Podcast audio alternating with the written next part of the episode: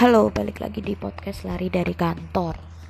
Uh, kali ini aku mau ngebahas tentang 5 soft skill yang istilahnya bisa bikin kamu buat laku atau diterima di dunia kerja. Uh, sekarang episode 2 ya kalau nggak salah. Jadi soft skill ini penting banget buat semua para job seeker. Nggak melulu kamu sekarang posisinya lagi fresh grade atau sudah punya pengalaman kerja. So apa aja 5 soft skill itu? Yang pertama uh, soft skill tentang komunikasi.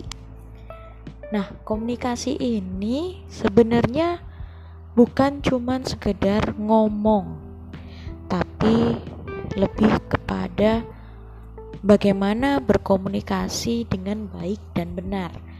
Bagaimana kamu menyampaikan sebuah informasi secara runtut, sistematis, detail, dan jelas, tidak bertele-tele.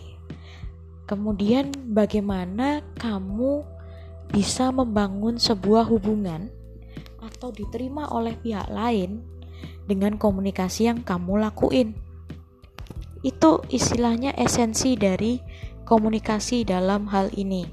Kenapa kok masuk dalam urutan pertama? Ya dong, karena kita dalam dunia kerja komunikasi itu adalah mutlak. Kamu komunikasi lewat tulisan dalam bentuk apa? Report, data. Komunikasi lewat lisan dalam bentuk koordinasi, menyampaikan kabar terkini atau kondisi terkini sesuai dengan kebutuhan dari suatu pekerjaan. Jadi memang dan uh, komunikasi itu merupakan keterampilan yang diasah. Ketika kamu merasa komunikasimu kurang bagus, ya udah diasah aja. Belajar sama orang yang lebih ngerti. Atau kamu mau belajar sendiri lewat Google, lewat artikel-artikel, ikut pelatihan. Itu bisa juga kamu lakuin. Dan yang gak kalah penting, Komunikasi itu bisa kamu pelajari dalam kehidupan sehari-hari. Entah melihat, mengamati, meniru, bahkan menerapkan atau mengaplikasikan pada orang yang baru kamu ketemu, orang yang baru kamu kenal. Banyak banget dong. Contoh, beli makanan ngobrol sama penjual nggak? Ditanyain menu nggak? Pasti dong. Nah, itu juga bisa kalian gunakan buat media belajar naik taksi online, naik ojek online, ketemu sama driver online kan, diam-diaman atau ngobrol? Ya paling enggak kalau misalnya macet, biasanya ngejak ngobrol daripada garing krik-krik ala bamba. Wah ya udah deh. Jadi istilahnya asal ada kemauan ya di situ pasti ada jalan. Itu tentang komunikasi. Yang kedua adalah tentang teamwork. Mau nggak mau, suka nggak suka, namanya kita manusia sebagai makhluk sosial pasti ada yang namanya teamwork. Meskipun kamu dalam satu unit kerja itu cuman kamu doang cuman kamu aja kamu tetap punya kewajiban untuk bekerja sama dengan unit lain. Contoh sebuah perusahaan maju mundur memiliki satu orang marketing. Ya memiliki satu orang marketing sales. Katakanlah marketing dan sales dia menjalani itu nentuin strateginya juga jualan langsungnya juga iya. Nah eh, ketika bayangin aja kerjaannya si orang sales. Ketika kamu mau menjual produk kamu tentu harus memastikan bahwa produk yang kamu jual itu tersedia jadi di sini kamu menghubungi pihak produksi. Ada kerjasama beda unit kerja. Kemudian ketika kamu mau mengirim barang yang pesanannya customer, tentu saja kamu berhubungan dengan bagian logistik di sebuah perusahaan. Untuk jadwal pengirimannya kapan, perkiraan waktu tibanya kapan, menggunakan perusahaan supply chain apa itu harus kamu pastiin. Asuransinya bagaimana dan lain sebagainya. Dari sini cukup jelas ya. Jadi uh, kerjasama itu lebih kepada uh, bagaimana kamu memanage diri kamu sendiri ketika kamu menyelesaikan suatu tugas dan tidak merugikan orang lain. Soft skill ini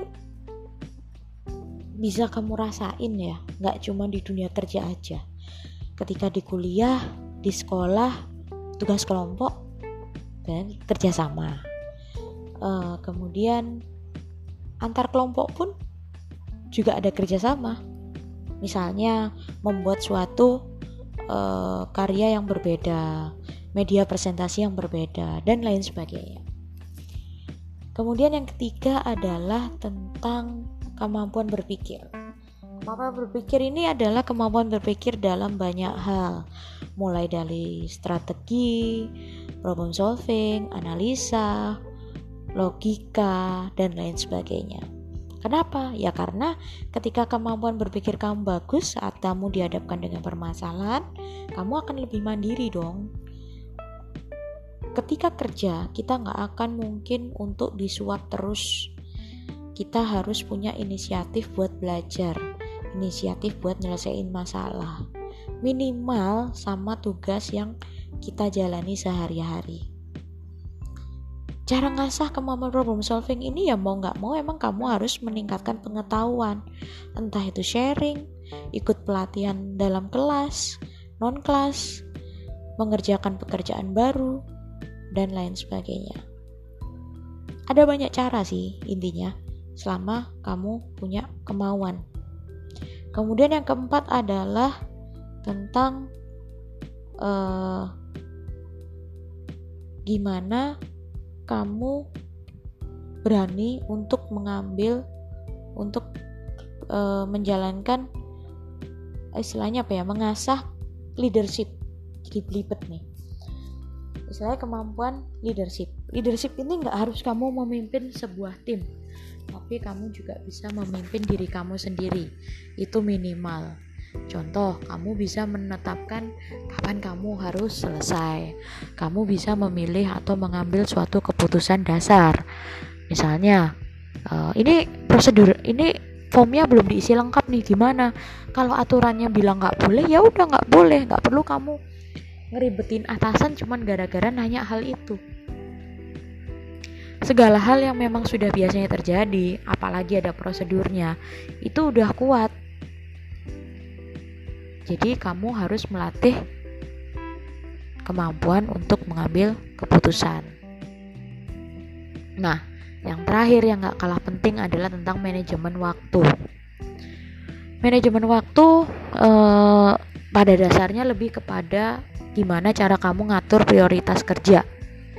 Ngatur prioritas kerja eh, supaya hasil kerja kamu optimal, supaya nggak nunda-nunda kerjaan juga itu dasarannya untuk uh, manajemen waktu. Dengan kamu bisa melakukan time management dengan baik, otomatis stres kerja kamu itu bisa berkurang. Karena apa? Kamu tidak melihat pekerjaan yang bertumpuk, menumpuk di belakang. Kan kadang namanya manusia ya, ada ada waktunya buat uh, muncul rasa malas. Biasanya sih pas weekend weekend gitu atau mau libur Nah, pada saat itu uh, biasanya ya nggak apa-apa kamu nunda sehari dua hari, tapi pastiin target tempat kamu mempospon pekerjaan kamu saat ini itu tidak mengganggu pekerjaanmu yang lain. Karena kalau misalnya pekerjaan itu nggak selesai, siapa yang mau bantuin kamu? Atasan. Ya otomatis itu akan menjadikan penilaian tersendiri buat kamu. Siapa yang dirugiin? Bisa kamu aja atau pihak yang istilahnya berhubungan kerja dengan kamu yang punya keterkaitan kerja dengan tugas yang kamu selesaiin saat itu. Jadi pada dasarnya lima soft skill ini bukanlah soft skill yang memang uh, dibutuhkan pada tahun ini, tapi kayak tapi lima soft skill yang aku bahas ini lebih dibutuhkan sepanjang masa mulai dari kamu komunikasi tiap hari juga komunikasi. Sekarang ini yang saya lakuin buat share di podcast ini juga komunikasi. Ada banyak bentuk komunikasi itu yang perlu kalian ingat. Kemudian yang kedua tentang uh, kemauan untuk kerjasama. Sepanjang zaman juga bakal kerjasama kali dari zaman zaman bahula sampai sekarang sampai kiamat mungkin kita juga akan masih kerjasama. Tinggal bentuknya aja yang beda-beda kemudian ketiga kemampuan berpikir masalah itu setiap hari pasti ada setiap saat pasti ada tinggal gimana kita mau memecahkan mau belajar buat bisa nemuin solusi yang efektif dan banyak perusahaan akan memilih orang-orang yang memang kemampuan problem solvingnya bagus. Why? Karena perusahaan akan berkembang terus, men. Dan orang-orang yang mempunyai kemampuan problem solving tinggi ini, inilah yang akan di hire. Mereka lah yang akan membuat sebuah perencanaan kerja yang kira-kira gimana caranya biar perusahaan ini ke depan meskipun berhadapan dengan masalah tapi masih bisa diminimalisir makanya kenapa orang-orang yang memiliki kemampuan berpikir itu banyak diperhitungkan di dunia kerja kemudian yang keempat leadership leadership itu bukan berarti kamu harus punya anak buah seperti yang tadi udah aku bilang tapi leadership itu lebih kepada how to manage yourself. Minimal kemampuan dasar terkait leadership kamu tahu. Kemudian yang terakhir time management. Ya mau nggak mau emang emang keterampilan keterampilan buat ngatur waktu itu perlu. Karena ini kaitannya erat sama leadership. Mulai dari ngambil keputusan, nentuin skala prioritas. Intinya lima soft skill ini menurut aku itu saling berhubungan. Tinggal kitanya mau ngembangin diri atau enggak. Kita mau cari media belajar atau enggak. Itu sih.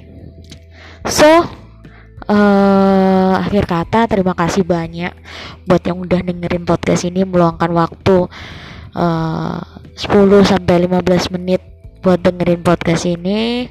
Makasih banyak. Uh, jangan lelah buat belajar dan terus berkembang karena sukses itu bukanlah sesuatu yang instan. Dan uh, mungkin nanti ke depannya dari lima soft skill yang saya bahas yang aku bahas hari ini akan lebih aku rinci dalam satu persatu uh, share gimana ningkatin kemampuan komunikasi, cara berkomunikasi, komunikasi yang dibutuhin dalam dunia kerja itu apa aja dan lain sebagainya. So, uh, akhir kata terima kasih banyak. See you in in the next episode. Bye bye.